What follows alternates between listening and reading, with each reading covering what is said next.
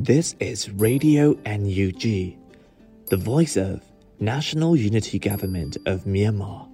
broadcasting for Myanmar Spring Revolution. Radio NUG is transmitting from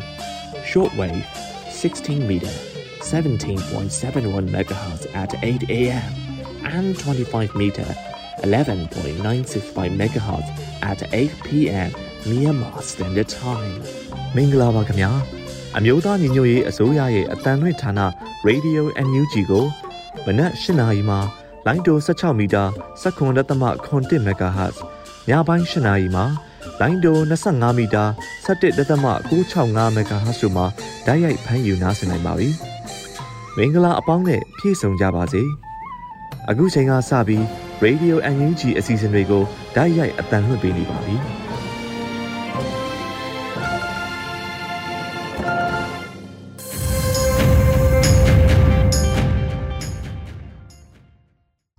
Radio UNG ကိုနားတော်တာဆင်နေကြတဲ့ပရိသတ်များအားလုံးမင်္ဂလာနေ့လည်ခင်းပါရှင်။ကျမတို့ရဲ့တိုးချစ်ထုတ်လွှင့်မှုအစီအစဉ်ဖြစ်တဲ့နေ့လည်ခင်းအစီအစဉ်တွေကိုစတင်ထုတ်လွှင့်ပေးတော့မှာဖြစ်ပါတယ်။ဒီနေ့နေ့လည်ခင်းမှာတင်ဆက်ပေးဖို့ရှိတဲ့အကြောင်းအရာတွေကတော့ပြည်သူတွေစိတ်ဝင်စားမဲ့နေ့လည်ခင်းသတင်းတွေ၊စောင်းပါတော်လန်ရေးတေးဂီတတို့နဲ့အတူတခြားစိတ်ဝင်စားဖွယ်ရာအစီအစဉ်တွေကိုတင်ဆက်ပေးဖို့ရှိနေတာဖြစ်ပါတယ်ရှင်။ဒီနေ့နေ့လည်ခင်းရဲ့ ပထမဦးဆုံးအစီအစဉ်အနေနဲ့နေ့လည်ခင်းသတင်းတွေကိုຫນွေဦးမိုးကဖတ်ကြားတင်ပြပေးပါမယ်ရှင်မင်္ဂလာပါခင်ဗျာအခုအချိန်ကစပြီး Radio NUG နေ့လည်ခင်းသတင်းတွေကိုဖတ်ကြားတင်ပြပေးပါတော့မယ်ခင်ဗျာအခုတင်ပြပေးမယ့်သတင်းတွေကတော့ Radio NUG သတင်းတာဝန်ခံတွေနဲ့ခံလုံသောမိဖက်သတင်းရင်းမြစ်တွေမှအခြေခံထားတာဖြစ်ပါတယ်ကျွန်တော်ຫນွေဦးမိုးပါဥစွာ မြဝတီမြို့တောင်ဘက်၄ကီကောမြို့တက်မှာပြင်းထန်နေတဲ့စစ်ရေးအခြေအနေသတင်းများကို တင်ပြပေးပါမယ်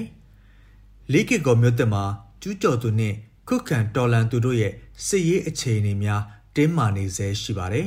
။မြဝတီတောင်ဘက်၄ကီကောမြို့တက်နေပြည်သူများနဲ့စစ်အာဏာရှင်စက်ညင်သူအပါအဝင်ရွေးကောက်ခံလွှတ်တော်ကိုယ်စားလှယ်များကို အာဏာသိမ်းတပ်ကအတ္တမဝင်ရောက်ဖမ်းဆီးရာမှာ KNU တပ်မဟာ6က ပြန်လည်ခုခံခဲ့ရတဲ့စစ်ရေးအခြေအနေဟာ၄ရက်မြောက်သည့်အထိတင်းမာနေဆဲဖြစ်ပါတယ်။ဒီဇင်ဘာလ15ရက်မှာစခဲ့တဲ့ KNLA ပူးပေါင်းတပ်ဖွဲ့များရဲ့ခုခံတိုက်ပွဲများမှာစစ်ကောင်စီဘက်ကအရာရှိအပါအဝင်ခုနှစ်ဦးခန့်ကြာဆုံးတယ်လို့သိရပြီးစစ်ကောင်စီတပ်နဲ့လက်အောက်ခံ BGF တွေကိုတော့၈ဦးထိစစ်တုံးပန်းအဖြစ်ဖမ်းဆီးရမိခဲ့ပါတယ်။စစ်အာဏာရှင်စက်ညင်သူ30ဦးခန့်ကိုစစ်ကောင်စီက ဖမ်းသွားနိုင်ခဲ့တဲ့သတင်းများထွက်ပေါ်ခဲ့ပြီးအရေးအတွက်အတိအကျကိုတော့စစ်ကောင်စီဘက်ကသတင်းထုတ်ပြန်ခြင်းမရှိပါဘူး။ဖမ်းခံလိုက်ရတဲ့သူတွေထဲမှာရွေးကောက်ခံလွှတ်တော်ကိုယ်စားလှယ်ဦးဝေလင်းအောင်နဲ့ဒေါက်တာပြစ်ဖြိုးတို့နှစ်ဦးရဲ့အသက်အန္တရာယ်ကိုတော့ဖမ်းဆီးသွားတဲ့သူတွေကတာဝန်ခံရမယ်လို့လွှတ်တော်ကိုယ်စားလှယ်အချို့ကဒီဇင်ဘာလ18ရက်နေ့မှာတတိပေးထုတ်ပြန်ခဲ့ပြီးဖြစ်ပါတယ်။သူတို့ဟာဖမ်းဆီးခံရပြီး၃ရက်မြောက်သည့်အထိအဆက်အသွယ်မရရှိသေးဘူးလို့ဆိုပါတယ်။ တစ်ချိန်တည်းမှာပဲလေးကစ်ကောအနီးကစစ်ကောင်စီတပ်ဖွဲ့ဦးရေ80ခန့်ရှိတဲ့အမြောက်ကုန်းကို KNLA နဲ့ပူးပေါင်းအဖွဲ့ကစောင့်ကြည့်ပိတ်ဆို့ထားတာကြောင့်ရိတ်ခါပြက်လက်မှုတွေကြုံနေရတယ်လို့သတင်းရင်းမြစ်များကဆိုပါတယ်။ရက်အတန်ကြာပြီဖြစ်တဲ့တိုက်ပွဲကြောင့်စစ်ပေးရှောင်ဒေသခံများဟာထိုင်းနိုင်ငံဘက်ခြမ်းကိုဖျက်ကျော်ခိုလုံနေရသူတွေဟာ2000အထိရှိလာနေပြီဖြစ်တယ်လို့ဒေသခံသတင်းအရင်းမြစ်များကဖော်ပြထားပါတယ်။ဒီဇင်ဘာလ18ရက်နေ့အရောက်မှာတော့မနက်ပိုင်းကစလို့ ဖအံမှတန်ချက်ကာကာနှစ်စီးအပါဝင်စစ်ရင်တန်း14စီးမြဝတီဘက်သို့ဆင်းလာနေကြောင်းတောင်ငူမှစစ်ရဟန်ရင်နှစ်စီးလဲပြန်တန်းသွားပြီးဖအံဘက်သို့ဥတီနေကြောင်းဒေသခံများကပြောဆိုသတင်းပေးခဲ့ကြပြီးမကြခင်ညနေပိုင်းမှာပဲအဆိုပါစစ်ရင်တန်းကိုကိုးတိုင်လမ်းဆောင်နဲ့တတကြိုးနေရာအနီးတွင်တော်လန်ရေးလက်နက်ကင်တပ်ဖွဲ့တစုမှမိုင်းဆွဲတိုက်ခတ်ခဲ့ကြပါတယ်။ရှေ့ထွက်မိုင်းလေးလုံးတိတိဖောက်ခွဲခံခဲ့ရပြီးစက္ခရင်နှန်းသည် တရချမ်းမောင်းပြေးပြီးမြင်းမြင်းရာပြည်သူလူထုကြားသို့ပြစ်ခတ်ခဲ့ကြောင်းသိရှိရပါတယ်။သူတို့လာတာအရှိကဖောကားတစ်စီးကြားထဲမှာတန်ချက်ကနှစ်စီးပြီးမှနောက်ဆုံးမှာဖောကားတစ်စီးနဲ့လာကြတာအရှိကဖောကားတစ်စီးကမိုင်းမိသွားတော့မောင်းပြေးပြီးလမ်းတောက်လျှောက်ကိုရမ်းပစ်သွားတယ်ဟုဒေသခံတအူးကပြောပါတယ်။လေးကကောမြို့တိုက်ပွဲမှာအာနာသိန်းစစ်ကောင်စီဘက်ကအထိနာခဲ့ပြီးနောက်စစ်ရေးအင်အားတိုးချဲ့မှုတွေပုံမလှုပ်ဆောင်နေတာကြောင့်စစ်ရေး တင်းမာမှုတွေဆက်လက်ရှိနေသေးပါလက်ရှိအချိန်မှာမြဝတီဝေါ်လီကားလမ်းမပေါ်မှာစစ်ကောင်စီတပ်ဖွဲ့ဝင်တွေဟာအင်အားအများအပြားရောက်ရှိနေသလိုဒီဇင်ဘာလ18ရက်မနက်ပိုင်းမှာလည်းလေးကီကောမြို့အနီးထိုင်းမြန်မာနယ်စပ်မှာတည်ရှိနေတဲ့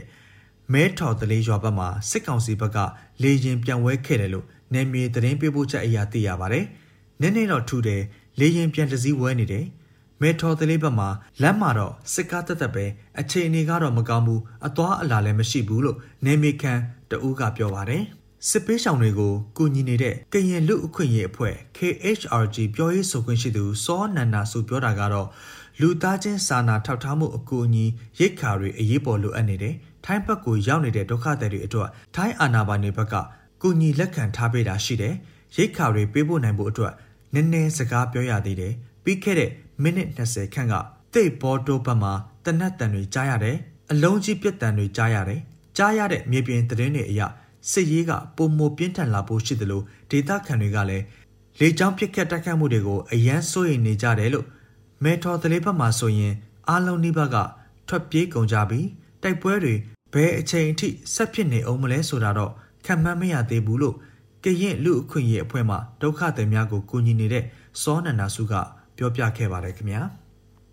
ဆက်လက်ပြီးမော်လမြိုင်တွင်ပရဟိတဆရာဝန်တဦးကိုဖမ်းဆီးခဲ့ပြီးအာနာသိန်းဆန့်ကျင်သူတွေကိုစစ်ကောင်စီကငွေညှစ်ခဲ့ကြပါတယ်ဆိုတဲ့သတင်းကိုတင်ဆက်သွားမှာဖြစ်ပါတယ်။မော်လမြိုင်မြို့ငွေမိုးစိတ်ုံမှာအလုတ်ဝင်နေတဲ့ဒေါက်တာချမ်းမြေအောင်ကိုစစ်ကောင်စီလက်အောက်ခံအဖွဲ့များကအင်အားအများအပြားဖြင့်ဒီဇင်ဘာလ9ရက်နေ့ကလာရောက်ဖမ်းဆီးသွားပါတယ်။ပုံမှန်905ကဖြင့်အမှုဖွင့်ခံခဲ့ရပြီးနောက်မှာတော့ဒီဇင်ဘာလ18ရက်နေ့က အမှုဖွင့်လင်ကကြံမရောအကျဉ်းထောင်သို့ပို့ဆောင်လိုက်ကြောင်းဒေါက်တာနဲ့နီးစပ်သည့်မိသားစုများကပြောပါတယ်။ဒေါက်တာချမ်းမြေအောင်သည်ရခင်ကအထုခုစစ်ဆရာဝန်တဦးဖြစ်ပြီးလွန်ခဲ့သည့်နှစ်နှစ်ခန့်ကအလုတ်ရန်နာခဲ့က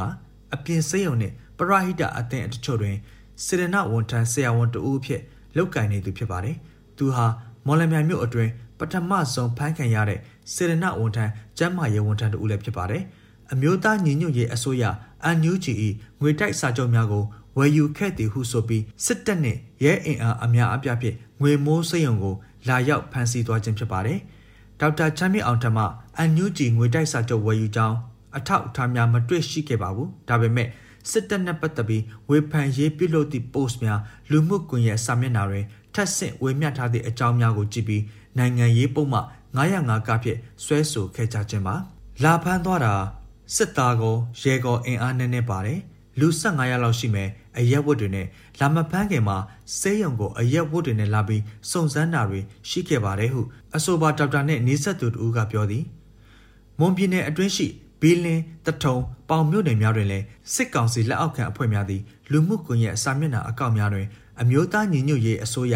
NUG logo တင်ထားသူအပါအဝင် PDF တို့ကိုထောက်ပံ့ပေးနေသူဟုတန်တရားရှိသူလူငယ်များကိုအတင်းအကျပ်ဖမ်းဆီးစစ်ဆေးခဲ့ကြပါတယ်။ စစ်ဆေးပြီးနောက်မှာတော့ငွေကြေးအမြောက်အများတောင်းခံပြီးပြန်ပေးဆွဲသည့်ပုံစံဖြင့်ပြန်လည်လွှတ်ပေးခဲ့တာရှိကြောင်းဖန်စီချင်းခံရသူမိသားစုဝင်တဦးကပြောပါတယ်။အဓိကဖုန်းတွေစစ်တာအဲ့ဒီမှာ NUG ထောက်ခံတာတို့ PDF တွေကိုထောက်ပံ့တဲ့အကြောင်းတွေတွေ့တာနဲ့တန်ဖန်သွားတာပဲ။ NUG ကိုထောက်ခံတဲ့ logo တင်တာနဲ့ကိုတန်ဖန်အနီးအနားက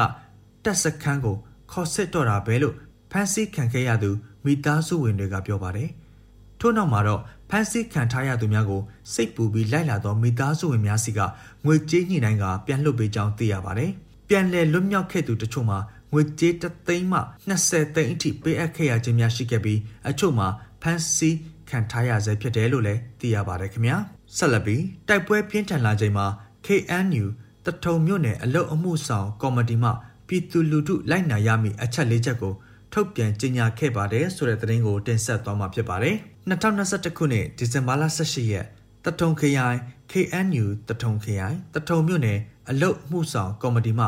15ရက်12လ2021ရက်နေ့ရက်စွဲဖြင့်ပြည်သူလူထုများလိုက်နာရမည့်အချက်၄ချက်ပါကြေညာချက်တစ်စောင်ကို အောက်ပါအတိုင်းထုတ်ပြန်ကြေညာလိုက်သည်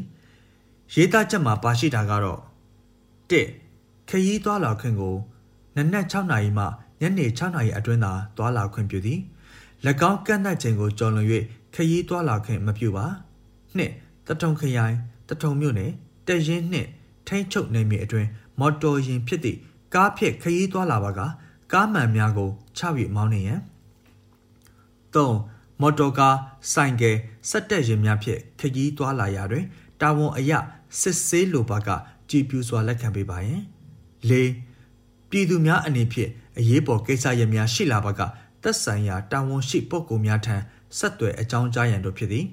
KNU တထုံမြို့နယ်အတွင်းဖြတ်တန်းသွာလာနေကြသောပြည်သူများအနေဖြင့်ထုတ်ပြန်ကြေညာချက်ပါအချက်များကိုလိုက်နာဆောင်ရွက်ခြင်းမရှိပါကဖြစ်လာမည့်နောက်ဆက်တွဲပြဿနာများကိုတာဝန်ယူမည်မဟုတ်ဟုပါရှိတာဖြစ်ပါတယ်။အဆိုပါ KNU တထုံခရိုင် KNLA နှင့် PDF ပူးပေါင်းအဖွဲ့များသည်ဒီဇင်ဘာလ18ရက်နေ့နနက်6နာရီအချိန်ကစက်တောင်းစိတ်ကြေးရွာရှိစစ်ကောင်စီလက်အောက်ခံ BGF 139 13တက်စကန်အားတက်ရောက်သိမ်းယူနိုင်ခဲ့ကြပါတယ်။ကရင်အမျိုးသားလွတ်မြောက်ရေးတပ်မတော် KNLA တပ်မဟာ1တပ်ရင်း1နှင့် PDF ပူးပေါင်းတပ်ဖွဲ့များမှစတင်ထိုးစစ်ဆင်တိုက်ခတ်ခဲ့ပြီးည9:30မိနစ်၌။ BGF 139 13စကန်အားသိမ်းယူနိုင်ခဲ့ခြင်းပါအောင်ပွဲရပြီးပြန်လာသော KNLA နှင့် PDF ပူးပေါင်းတပ်ဖွဲ့များအားဒေသခံပြည်သူလူထုမှပန်းကုန်းများတပြေပန်းများဖြင့် ဂုံပြုကြိုဆိုခဲ့ကြပြီးမှတ်တမ်းတပ်ပုံများမှာလူမှုကွန်ရက်များတွင်ဝေဝေဆာဆာဖော်ပြခံခဲ့ရပြီးစစ်အာဏာရှင်စန့်ကျင်သောပြည်သူအပေါင်းကဝမ်းသာအားရဖြစ်နေကြပါတယ်။အခုလိုအောင်ပွဲရတော်လန်ရေးစစ်သည်များကိုဂုံပြုကြိုဆိုရမှာဥဆောင်သူအမျိုးသမီးတဦးကဒီနယ်မြေမှာ BGF စကန်ဖြစ်ဖြစ်စစ်ကောင်စီစကန်ဖြစ်ဖြစ်လုံးဝအလိုမရှိဘူးအခု BGF စကန်ကိုတိမ့်နိုင်တယ်ဆိုတော့ ကိုယ့်ရဲ့စစ်သားတွေအတွက်ဂုံပြုပေးတာပါလို့ပြောကြားခဲ့ပါတယ် KNU KNLA တပ်မဟာများနဲ့စစ်ကောင်စီတပ်တို့ထိတ်တိုက်စစ်ပွဲတွေခုလိုပြင်းထန်နေစမှာပဲစစ်ကောင်စီလက်အောက်ခံဖြစ်တဲ့နေချားဆောက်တဲ့အမိခံ BGF အဖွဲ့ကတော့မြဝတီမြို့၌တပ်ဖွဲ့ဝင်များသည်ညအချိန်တာဝန်မှအပယူနီဖောင်းမဝတ်ဆင်ဖို့တတိပေးစာတစ်စောင်ကိုထုတ်ပြန်ခဲ့ကြတာကိုလည်းတွေ့ရှိရပါတယ်။ဒီဇင်ဘာလ18ရက်ရက်စွဲဖြင့်ထုတ်ပြန်ခဲ့ပြီး BGF 139ခွန်တမှုကိုစားလက်မှတ်ထိုးထားတဲ့အဆိုပါအသိပေးစာမှာတော့မြဝတီအတွင်းရှိတက်ရင်တက်နယ်တပ်ဖွဲ့များအားလုံးသည်စာပါရက်စွဲမှစလို့ညအချိန်တွင်တာဝန်မှအပယူနီဖောင်းအပြည့်နှင့်တော်၎င်းတပိုင်းတော်၎င်းဝတ်ဆင်ခြင်းမပြုပါရန်တတိပေးထုတ်ပြန်ခဲ့ကြောင်းပါခင်ဗျာဟုတ်ကဲ့ကျွန်တော်ຫນွေဦးမိုးပါ Radio UNG ရဲ့နေ့လည်ခင်းအစီအစဉ်တွေကိုဆက်လက်အတန်လွှင့်ပေးနေပါတယ်။ ဆက်လက်ပြီးတင်ဆက်နေကြမိုးမခသတင်းမြင်ကွင်းဆောင်ပါအစီအစဉ်မှာအလှည့်ကျလာတာကတော့အချင်းကြတော်အောင်ဆန်းစုကြည် CRPH နဲ့ NUG ရဲ့လက်နက်ကင်တိုက်ပွဲအကြောင်းပဲဖြစ်ပါတယ်ရှင်။အချင်းကြတော်ဆန်းစုကြည် CRPH နဲ့ NUG နဲ့လက်နက်ကင်တိုက်ပွဲဒေါန်ဆန်းစုကြည်နဲ့နေပြည်တော်မြို့တော်ဝန်ဟောင်းဒေါက်တာမျိုးအောင်တို့ရဲ့ဒီဇင်ဘာလ18ရက်နေ့ရုံးချင်းကိုလာရောက်ရမှာပြီးခဲ့တဲ့သတင်းပတ်တွေက အမှုနှစ်မှုအတွက်စီရင်ချက်ချခံထားရတာကြောင့်ပြည်ထန်ကြခံနေရသူအဖြစ်ပြည်ထန်ကြဝတ်စုံကိုဝတ်ဆင်ပြီးတရားဝင်ကိုလာရောက်ခဲ့တယ်လို့သတင်းတွေမှာဖော်ပြထားကြပါတယ်စစ်ကောင်စီကအဲ့ဒီရုံးချင်းနဲ့ပတ်သက်လို့ရုပ်သံဓာတ်ပုံသတင်းတွေဖော်ပြထားတာမရှိလို့သတင်းဓာတ်ပုံတွေတော့မတွေ့ရပါပဲဒေါ်ဆန်းစုကြည်ကအင်ဂျီအဖြူထမိန်အညိုရောင်နဲ့ဖြစ်ပြီးဒေါက်တာမျိုးအောင်ကတော့အင်ဂျီအဖြူနဲ့ပစိုးအပြာရောင်ကိုဝတ်ဆင်ကတရားရုံးချင်းကိုလာရောက်ခဲ့တယ်လို့ ပုဂ္ဂလိကသတင်းစာတွေမှာရေးသားဖော်ပြကြပါတယ်။ပြီးခဲ့တဲ့ဆယ်စုနှစ်၃ခုအတွင်းအကြိမ်ကြိမ်နေအိမ်အကျယ်ချုပ်ချခံခဲ့ရပူပါတယ်။ဒီချိန်ကပြစ်ဒဏ်ချမှတ်ခဲ့ပေမဲ့အခုလိုအမှုပေါင်းများစွာနဲ့ဆွဲဆိုခံရတာမဟုတ်တော့ပြစ်ဒဏ်ကြအကျဉ်းသားဝတ်စုံမျိုးလဲဝတ်ဆင်ခဲ့ဘူးတာမရှိပါဘူး။ဂျွန်ရတော့နေအိမ်ထဲကိုရေကူးဝင်ရောက်လာခဲ့တဲ့ကိစ္စနဲ့အဲ့ဒီတုန်းကတရားစီရင်တာကိုချုံနှောင်ထားရအင်းစိန်ထောင်မှာလှုပ်ဆောင်ခဲ့တာပါ စစ်အာဏာသိမ်းပြီးတဲ့နောက်အခုတစ်ချိန်မှာတော့ဒေါန်ဆန်းစုကြည်ကိုအကျဉ်းတော်မပို့ပေမဲ့လည်းပြစ်ဒဏ်ကြခံပြီးသူဝေးရတဲ့ဝစ်စုံကိုဝစ်ဆင်ဖို့တရားရုံးချင်းမတိုင်မီဒီဇင်ဘာလ16ရက်နေ့ကပို့ဆောင်ပေးခဲ့တာလို့ဆိုပါတယ် NLD ပါတီခေါင်းဆောင်တွေအရင်အစိုးရဖွဲ့ဝင်ဝန်ကြီးအချို့နဲ့ဒုဝန်ကြီးအချို့ကိုအကျဉ်းတော်တွေမှာထားရှိပြီးတော့သူတို့နဲ့ထိုက်တန်တဲ့ကျမ်းမာရေးစောင့်ရှောက်မှုမျိုးခွင့်မပြုတဲ့အခြေအနေမှာအခုလိုနိုင်ငံတော်တိုင်ပင်ခံဒေါ်ဆန်းစုကြည် ပြစ်ဒဏ်ကြအကျဉ်းသားဝတ်စုံဝတ်ဆင်ရတာဟာကြီးကျယ်တဲ့ကိစ္စမဟုတ်ဘူးလို့ဆိုကောင်းဆိုပါလိမ့်မယ်။မှန်ပါတယ်။တက်ကြွလှုပ်ရှားသူတွေလက်နက်ကင်ဖွဲ့စည်းလမ်းစဉ်ကင်ဆွဲသူမဟုတ်တဲ့ဆန္ဒပြသူတွေအများအပြားဟာစစ်ကြောရေးမှာတညာအတွင်းရန်နှဲငယ်အတွင်းမှာအသက်ဆုံးရှုံးခဲ့ရတာတွေ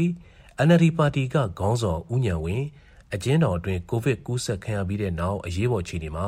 ရန်ကုန်စေယုံကြီးကိုတင်ပို့ခဲ့ပေမဲ့ အသက်ဆုံးရှုံးခဲ့ရတဲ့အခြေအနေမျိုးနဲ့တော့နှိုင်းယှဉ်စရာတော့မဟုတ်ပါဘူး။ဒါပေမဲ့အတိုက်ခံခေါင်းဆောင်ကိုအကျဉ်းသားဝတ်စုံနဲ့ရုံထုတ်တဲ့မြင်ကွင်းကတော့နိုင်ငံရေးအရဆွဲကြမ်းနေမဲ့ရုပ်ပုံလွှာတစ်ခုဖြစ်ကြံရစ်ခဲ့မှာဖြစ်ပါတယ်။အခြားတစ်ဖက်မှာလည်း CRPH NUG ရဲ့လက်နက်ကင်တိုက်ခိုက်မဲ့လမ်းစဉ်မြို့ပြနယ်ကြီးလက်တွေမှာဖောက်ခွဲရေးလှုပ်ဆောင်မှုတွေအပေါ်မှာဒေါန်ဆန်းစုကြည်အနေနဲ့မှတ်ချက်ပေးဖို့လမ်းဖွင့်ထားကြောင်း ပြီးခဲ့တဲ့ရက်အနည်းငယ်ကစစ်ကောင်းဆောင်ကမိန်ကုန်းတစ်ခုထဲမှာထည့်ပြောသွားခဲ့ပါတယ်။ဒီလိုပြောဆိုမှုကိုကြည့်မယ်ဆိုရင်လက်နက်ကင်လမ်းစဉ်မြို့ပြပျောက်ကြားဖောက်ခွဲမှုတွေကြေးရွာတွေမှာမိုင်းဆွဲတိုက်ခိုက်တာလက်နက်ကင်တိုက်ခိုက်နေတာတွေကိုထိမ့်သိမ်းပေးဖို့စကားလမ်းကြောင်းပေးတာလို့လည်းကောက်ချက်ချရမှာဖြစ်ပါတယ်။ဒီလိုလက်နက်နဲ့တုံ့ပြန်တိုက်ခိုက်မှုမိုင်းခွဲတိုက်ခိုက်တဲ့ဖြစ်ပျက်တွေကစစ်ကောင်စီဖို့တော့မျောလင့်မထားတဲ့အခြေအနေမထင်မှတ်ထားတဲ့ဖြစ်ပျက်လာတဲ့အခြေအနေတရက်ဖြစ်ပါလိမ့်မယ်။ ဒီအခြေအနေကြောင့်ငကိုကမျောလင့်ထားတဲ့တစ်နှစ်ကနှစ်နှစ်ကြာမှာ2010ရွေးကောက်ပွဲနဲ့အလားတန်တူပြီးစစ်တပ်ကဖြစ်စေခြင်းတဲ့အခြေအနေအောက်ကရွေးကောက်ပွဲလိုကျင်းပပြီးအာဏာပြန်လွှဲတယ်ဆိုတဲ့ဖြစ်စဉ်ဖြစ်လာဖို့အလားအလာမှိမ့်မိန်သွားတဲ့သဘောလည်းဖြစ်ပါလိမ့်မယ်။ဒေါ်ဆန်းစုကြည်အနေနဲ့ဒီလက်နက်ကင်လမ်းစဉ်ကိုထောက်ခံတယ်မထောက်ခံဘူးဆိုတာအခုနေအချိန်မှာစစ်ကောင်စီသိအောင်ဖြစ်စေပြောစရာလိုချင်မှလိုပါလိမ့်မယ်။ ဒါပေမဲ့အပြင်မှာကြံခဲ့တဲ့ပါတီခေါင်းဆောင်တွေသိရှိအောင်တော့ပြောစရာမှတ်ချက်ပေးဖို့လိုအပ်ပါလိမ့်မယ်။နောက်တစ်ချက်က NLD ကိုထောက်ခံတဲ့သူအများစုကိုသိရှိဖို့လိုအပ်ကောင်းလိုအပ်ပါလိမ့်မယ်။လက်နက်ကင်လမ်းစဉ်ကိုရွေးချယ်ထားတာကိုသဘောတူထောက်ခံခြင်းမထောက်ခံခြင်းဟာသမိုင်းမှာမှတ်တမ်းတင်ရမယ့်ဆုံးဖြတ်ချက်တစ်ခုဖြစ်တာကြောင့်စစ်ကောင်စီကလမ်းကြောင်းပေးခြင်းမကြောင်းပေးခြင်းကိုဘေးဖယ်ထားပြီးတော့ဒီမိုကရေစီလိုလားသူတွေအကြားလဲသိရှိလိုကြတဲ့ကိစ္စဖြစ်ပါလိမ့်မယ်။ နိုင်ရှင်စရာအခြေအနေတွေထပ်တူထပ်မျှမဟုတ်ပေမဲ့လည်း1948ခုနှစ်တုန်းကမြန်မာနိုင်ငံလိုပြည်ရင်းစစ်ရဲ့လမ်းဆောင်လမ်းကွာမှာရောက်ရှိနေချိန်မှာနိုင်ငံရေးအရာမဟာဗျူဟာအရာလမ်းစဉ်တစ်ခုကိုရွေးချယ်ကြရတဲ့အခြေအနေနဲ့အလားတန်တူတယ်လို့ထင်ပါတယ်။1948ခုနှစ်မတ်လ28ရက်နေ့ကွန်မြူနစ်ပါတီကိုဖမ်းဆီးဖို့ဝင်စည်းကြခြင်းကစလို့လက်ဝဲအင်အားစုတွေကလက်နက်ကိုင်လမ်းစဉ်ကိုရွေးချယ်ခဲ့ကြပြီးတိုင်းရင်းသားလူမျိုးစုအခွင့်အရေးအတွက်လည်းအချို့သောတိုင်းရင်းသားအဖွဲ့တွေက အဲ့ဒီကာလာကလေးကလက်နက်ကင်လမ်းစဉ်ကိုကင်ဆွဲခဲ့ကြတာဖြစ်ပါတယ်။1948ခုနှစ်ကစတင်ခဲ့တဲ့ပြည်ရင်းစစ်မီဟာမငိမ့်နိုင်ခဲ့ရာက2021ခုနှစ်မှာတော့တကြောပြန်အရှိန်ကြီးကြီးတောက်လောင်ဖို့လမ်းစုံလမ်းကွာတစ်ခုကို ရောက်ရှိလာပြန်ပြီဖြစ်ပါတယ်ခင်ဗျာ။ ယခုဆက်လက်ပြီး Radio UNG ဝိုင်းတော်သားတွေတင်ဆက်ထားတဲ့ပြည်သူစကားသံအစီအစဉ်မှစကိုင်းတိုင်းခင်ဦးမြို့နယ်ကပြည်သူတအူအားမေးမြန်းချက်ကို ထုတ်လွှင့်ပေးပါတော့မရှင်။ရေဒီယိုအန်ယူဂျီရဲ့ပရိသတ်များရှင်မြန်မာနိုင်ငံရဲ့လက်ရှိຫນွေဦးတော်လှန်ရေးဟာစစ်တပ်ရဲ့အာဏာသိမ်းမှုကိုအရှိန်အဟုန်နဲ့ခုခံတွန်းလှန်နေတဲ့ကာလဆိုရင်မမှားပါဘူး။ တနိုင်ငံလုံးတိုင်းတာနဲ့ခုခံတွန်းလှန်စစ်ကိုဆင်နွှဲနေတဲ့အချိန်ကာလဖြစ်တယ်လို့အဲ့ဒီထဲကမှမြန်မာနိုင်ငံအလဲပိုင်းဒေသတွေဟာပုံမှုပြီးတော့ခုခံစစ်တွေပြင်းထန်နေတာကိုတွေ့ရပါတယ်။ဒါကြောင့်စကိုင်းတိုင်းတွင်းမှာရှိတဲ့ခင်ဦးမြို့နယ်မှာပြည်သူ့ခုခံတွန်းလှန်စစ်ကိုဆင်နွှဲနေတဲ့အနေအထားနဲ့အဲ့ဒီဒေသမှာဖြစ်ပျက်နေတဲ့အကြောင်းအရာတွေကိုသိရှိစေဖို့အတွက်အခုလိုမေးမြန်းထားပါတယ်ရှင်။ ပထမဆုံးအနေနဲ့လေဒီစကိုင်းတိုင်းဘက်မှာပြည်သူ့ကာကွယ်ရေးတပ်ဖွဲ့တွေအနေနဲ့စစ်ရေးမှာစိုးမိုးမှုတွေရှိနေတယ်ဆိုပြီးတော့ပြောနေကြပါတယ်။အဲ့ဒါဒီနဲ့ပတ်သက်ပြီးတော့မြေပြင်အခြေအနေရပုံတော့ဒါဒီအကြောင်းလေးကိုခြုံငုံပြီးပြောပြပေးပါအောင်ရှင်။စစ်ရေးမှာစိုးမိုးမှုရှိမရှိဆိုတာပြည်သူတရလုံးရဲ့ပါဝင်ပတ်သက်မှုအပေါ်မှာလည်းစိုင်းနေဗျဒီအကြမ်းဖက်လူသက်စစ်တပ်ကိုအမြင့်ဖြတ်ဖို့အတွက်လူလူတရလုံးကအသင့်ရှိနေကြတယ်ဆိုတော့လည်းဒါအားလုံးကသိပြီးသားပဲလေ ဒီတော့တရင်နဲ့နာမည်ကျွမ်းကျင်မှုအပိုင်းလူလူရဲ့ပါဝင်မှုအပိုင်းမှာ PDF ဘက်ကအများကြီးအသာစီးရတာပေါ့ဗျာအဲ့ဒါအင်မတန်ကောင်းတဲ့အားပဲဗျာသို့တော်လည်းပျောက်ကြားနည်းနဲ့ခုခံစစ်ဆင်နွှဲနေရတဲ့ပုံစံပဲရှိသေးတာဆိုတော့သူရပြန်ကိုရပြန်အရသာခံတင်တိုက်တာထဲအလင့်ငယ်ဝင်ရောက်တိုက်ခိုက်တာမျိုးဒီစက္ခတွေလာရလမ်းကြောင်းမှာမိုင်းဆွဲပြီးတိုက်ခိုက်တာမျိုးပဲသူတို့ရွေးချယ်ကြရတာပေါ့ဟို ဒေါ်လာရေးလုပ်တယ်ဆိုတာတော့တတိရှိရုံနဲ့မပြီးသေးဘူးလေဟိုကျွန်တော်တို့တတိနဲ့ control လုပ်နိုင်မှပဲအောင်းနိုင်တာဟုတ်ဗျဟိုဒီတော့အခွင့်အရေးတာတယ်လို့သူတို့လှုပ်ရှားကြတာပေါ့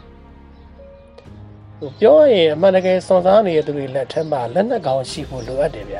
အဲ့ဒီအပိုင်းမှာလိုအပ်ချက်လေးရှိတယ်ပေါ့နော်အားလုံးလည်းလူမှုကွန်ရက်ပေါ်မှာမြင်တွေ့နေရတဲ့အတိုင်းပါစကိုင်းတိုင်းရဲ့နေရာအနှံ့ပြားမှာအထီးတွေးမှုတွေအများတန်းရှိတယ် ဟိုကိုယ့်ဘက်ကအနည်းအချင်းကြာရှုံးတာတွေတချို့ရှိပေမဲ့စကားတွေဘက်ကတော့တော်တော်ကြီးကိုအထီးနာတာဗျတော်တော်ကြီးကိုအထီးနာတာဒါကြောင့်စီရင်မှာစိုးမိုးနေတယ်ဆိုတာဟိုဒီသဘောကိုပြောတာဖြစ်ပါလိမ့်မယ်ဟုတ်ကဲ့ရှင်နောက်ထပ်သိချင်တာကလေဒီစကိုင်းတိုင်းတစ်တိုင်းလုံးကိုပေါ့နော် PDF လို့ပြောကြတယ်ပေါ့အဲ့ဒီအပေါ်မှာရောပေါ့နော်ပြည်သူတွေရဲ့ပါဝင်မှုအနေနဲ့ဘယ်လိုရှိလဲဒါလေးကိုလည်းပြောပြပေးပါအောင်ရှင်စကိုင်းတိုင်းလုံးမှာရှိတဲ့လူတွေက PDF တွေကြီးပဲလို့ပြောကြတာ ဟိုဒေါ်လာရေးမှာဟိုအမှန်တကယ်စိတ်ရောကိုယ်ပါနှစ်ပြီးတော့တကယ်အလုံးလုံးတဲ့သူတွေများလို့ဒါပြောကြတာပေါ့နော်ဟိုစကိုင်းတိုင်းလုံးမှာရှိတဲ့လူတွေမှန်သမျှဟာဟိုလက်နက်ကင်ပြီးတိုက်ပွဲဝင်နေတဲ့သူတွေကြည့်တော့ဘယ်ဟုတ်ပါမလဲဗျာဒါပေမဲ့အခြားတိုင်းတွေတဲ့ဆောက်လို့ရှိရင်သူကထားချွတ်တော်လန်သူတွေဟိုလှုပ်ရှားသူတွေအတော်ကိုများတယ်ဗျာဟိုအင်တာအားရစရာကောင်းတယ် ဟိုတိုင်းကြီးလို့ရမဟုတ်ဘူးနော်ကိုဂုံပေါ်ပြောတာလည်းမဟုတ်ပါဘူးဟိုစကိုင်းတိုင်းမှာကဒီစက္ကစနဲ့ဟိုထိတွေ့တိုက်ပွဲမဖြစ်တဲ့မြို့နယ်ဆိုတာဟိုမရှိသလောက်ရှားတယ်ဗျာဟိုရှိကိုမရှိဘူးထူးခြားတာကတော့တာမန်ပြည်သူတွေကတောင်မှဟိုဒီလိုတိုက်ပွဲဝင်နေကြလို့ငါတို့အတိုင်းတော့အထိနာကုန်ပါပြီဆိုပြီးဟိုတော်လန်ရေးကိုအားပြတ်စိတ်လျှော့သွားတဲ့အတန်မျိုးလုံးဝလုံးဝမကြားရတာပဲဟိုဒါကတော့စကိုင်းတိုင်းမှာမဟုတ်ပါဘူးကျန်တဲ့တိုင်းနဲ့ပြည်နယ်တွေလည်းဟိုဒီသဘောဖြစ်ပါလိမ့်မယ်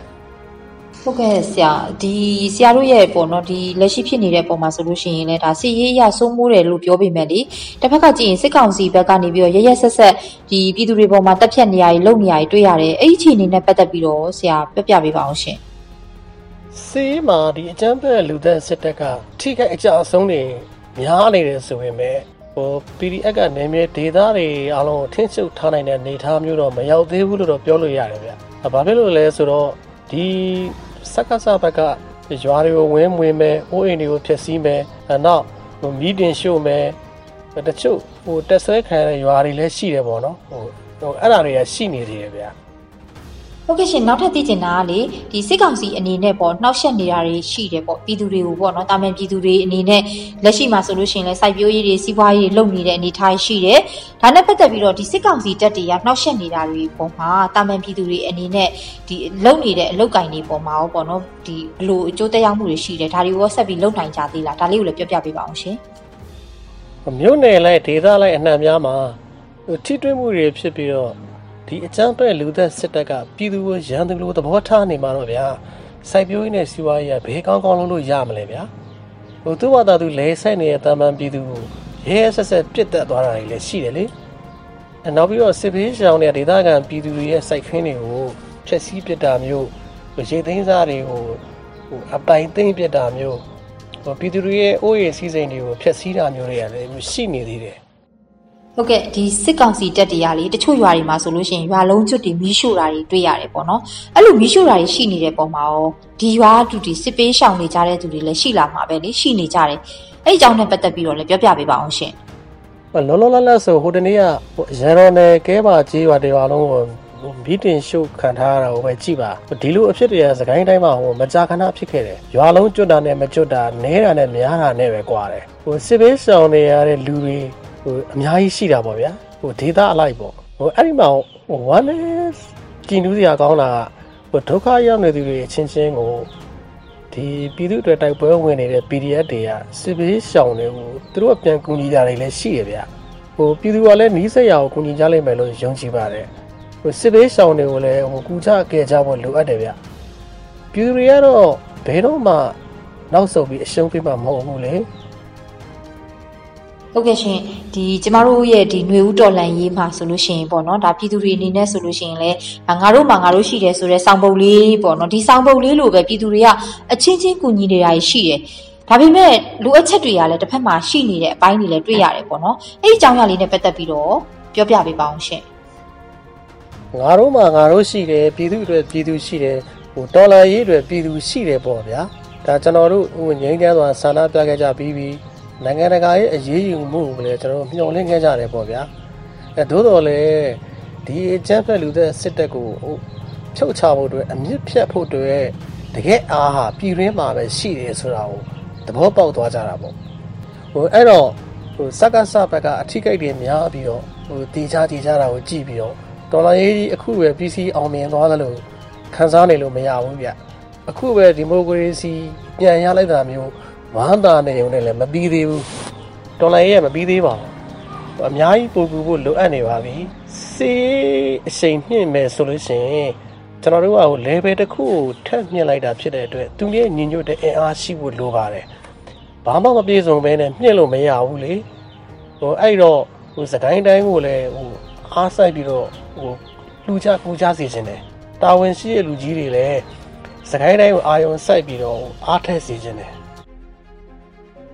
ဟုတ်ကဲ့ဒီနွေတော်လင်ရလေးကျမတို့ဒီဖေဖော်ဝါရီလစတယ်ဆိုလို့ရှိရင်အခုဒီဒီဇင်ဘာလထဲကိုရောက်ခဲ့ပြီပေါ့နော်ဒါနဲ့ပတ်သက်ပြီးတော့ဒီတော်လင်ရေးအောင်ဖို့ဆိုလို့ရှိရင်ပြည်သူတွေအနေနဲ့ပူးပေါင်းပါဝင်ဖို့ဆိုလို့ရှိရင်ရောဘာတွေထပ်ပြီးတော့ပေါ့နော်ဘာတွေလှုပ်ဆောင်ဖို့လိုလဲဒီနေရာနေပြီးတော့ဆရာရဲ့အကြံပြုချက်လေးကိုလည်းကြားချင်ပါတယ်ရှင် motivation ပေးကြတဲ့ကိစ္စတော့ဗျာဒီကိစ္စကဘောလုံးမဲတော့ဝဲလို့ဒီကနေလက်ခုပ်တီးအားပေးနေုံနဲ့လုံလောက်တဲ့ပွဲမဟုတ်ဘူးလေကိုယ်တိုင်တောင်းတနေရနဲ့ဝင်းကံမှာများများအောင်မဲ့ပွဲကိုဗျာ အနည်းဆုံးဗျာဘာမှမလုပ်နိုင်ဘူးဆိုရင်တော့မှဒါ online ပေါ်ကနေ click to donate လို့ဟာမျိုးနှိပ်ပြီးတော့အကျိုးရှိရှိအသုံးချလို့ရတာပဲလေတေချာတာကတော့ဒါပြည်သူတွေညီညွတ်ညွတ်ညွတ်နဲ့တာဝန်ကျကြပါတယ်ဟုတ်ကဲ့နောက်ဆုံးအနေနဲ့လေးမေးချင်တာပေါ့နော်ဒီအခုဖြေကြားပေးခဲ့တဲ့အပေါ်မှာနောက်ထပ်ဖြည့်ဆွက်ပြီးတော့ပေါ့နော်ပြောချင်တာရှိတယ်ဆိုလို့ရှိရင်လည်းပြောပြပေးပါအောင်ရှင်ပြောစင်တာတော့ဗျာလူငယ်တွေကကျွန်တော်တို့ထင်ထားတာတဲ့အများကြီးပိုးတော်နေတာကိုတွေ့ရတယ်ဗျာအခုဆိုရင်သူတို့ဒီတွင်စက်သက်တာတွေအောင်မြင်လာတာတွေရှိတယ်လေ ဒါအားလုံးလည်းအသိပဲအဲ့တော့အရေးတော်ပုံကမအောင်မြင်တဲ့အကြောင်းမရှိပါဘူးမြန်မြန်နိုင်ခြင်းများများကူဒါပါပဲ ဟုတ်ကဲ့ပါအခုနားဆင်ကြကြရတာကတော့ဂိုင်းတိုင်းဒေသကြီးခင်ဦးမြို့နယ်အတွင်းမှာဖြစ်ပျက်နေတဲ့လက်ရှိမြေပြင်အခြေအနေတွေကိုသိရှိစေဖို့အတွက်ပြည်သူတို့ရဲ့စကားသံကိုထုတ်လွှင့်ပေးခဲ့တာပဲဖြစ်ပါတယ်။နောက်လာမယ့်အစီအစဉ်တွေမှာလည်းမြန်မာနိုင်ငံရရက်မှာရှိနေတဲ့ပြည်သူတွေရဲ့စကားသံကိုအခုလိုပဲတင်ဆက်ပေးသွားမှာဖြစ်လို့ဆက်လက်ပြီးတော့စောင့်မျှော်နားထောင်ကြဖို့ပြောကြားရင်းနဲ့ဒီအစီအစဉ်လေးကိုအဆုံးသတ်လိုက်ရပါတယ်ရှင်။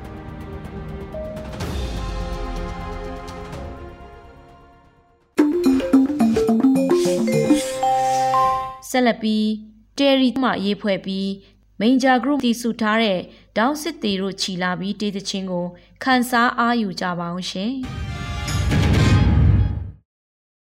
တပေါင်းတွေအောက်ကယုံကြည်ရာသူကြီးဒီတောင်းစစ်တီတို့ရှိလာပြီတို့အလုံးရဲ့စန္ဒာညီ မလျှော်တော့ဆွေနဲ့တိုက်ပွဲဝင်သူရဲ့ကောင်းတော့စူးစီးကြသည်တောင်းစစ်တီတို့ချီသေးပြီမကြောင်စံတော်ဆောင်ရှိတဲ့စီတို့များအလုံးမ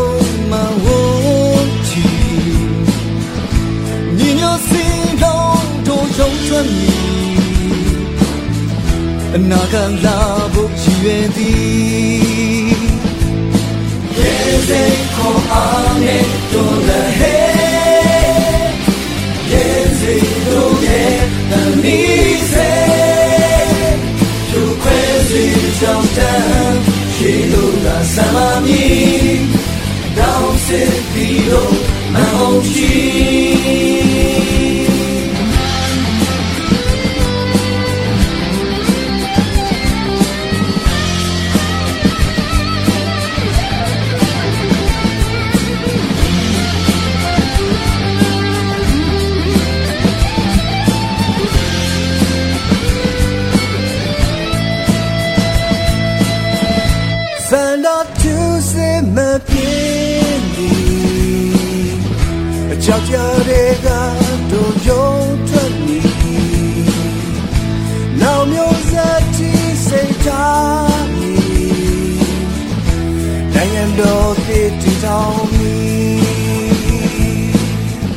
ဘလူသွေးခွဲခွဲလက်တွဲနေရောင်သူမကွဲပဲလေသွေးစီနေတို့ရေရွှဲမြဲချီတတ်ကြမီ ငါတို့ချစ်တဲ့နိုင်ငံစီ Desde Coame Dona He Desde Dona Anise Yo Quincy Downtown Chiluna Samami Down Set Pilo My Home Cheese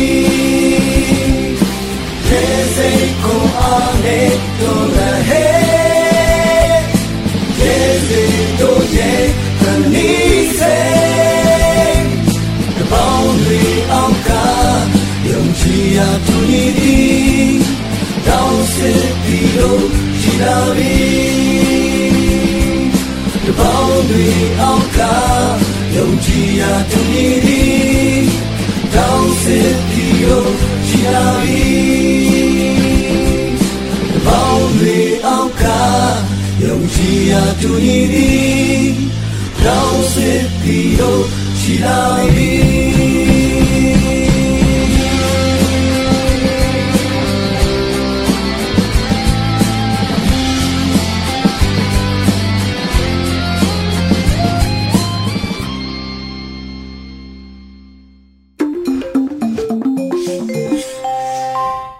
မီစုပေးပွဲလို့အမိပေးထားတဲ့တယောစာတပုတ်ကိုရန်နိုင်က အခုလိုခန်းစားဖတ်ကြားထားပါတယ်ရှင်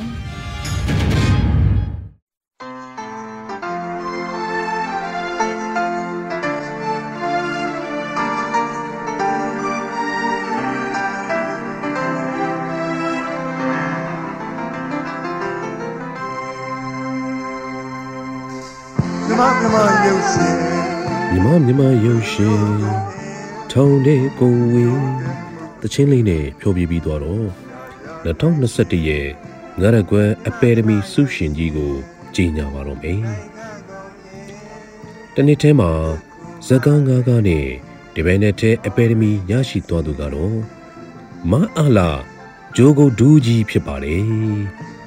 ဂျိုကိုဒူးကြီးမအားလာဟာဆိုရင်ဖြင့်2021ဖေဖော်ဝါရီလမှာ သမရာယူဇကားဖြင့်တစ်ကြိမ်2021ဖေဖော်ဝါရီလမှာဘေကောင်သီရဲလဲဇကားဖြင့်တစ်ကြိမ်2021မတ်လမှာတပြည်လုံးထောင်ချမယ်ဇကားဖြင့်တစ်ကြိမ်2021စက်တင်ဘာလမှာဘုံတွေအလဲကပူရင်မှုဇကားဖြင့်တစ်ကြိမ်2021အောက်တိုဘာလမှာကျိုးမှတပါအခြားမရှိဇကားဖြင့်တစ်ကြိမ်၅ချိန်တိုင်တိုင်စုခူးသွားပါလေခင်ဗျာ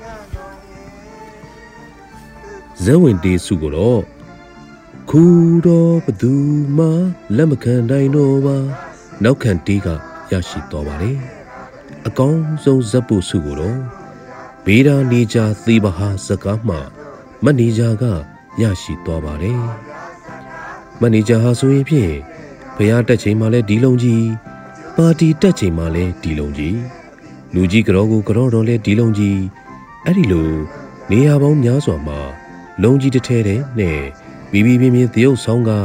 ဇက်ကိုပို့သွားနိုင်ပါတယ်ဒီနေ့မှာပို့ထူးကြတာကတော့ဒီဇက်ကငါးကားစလုံးမှာ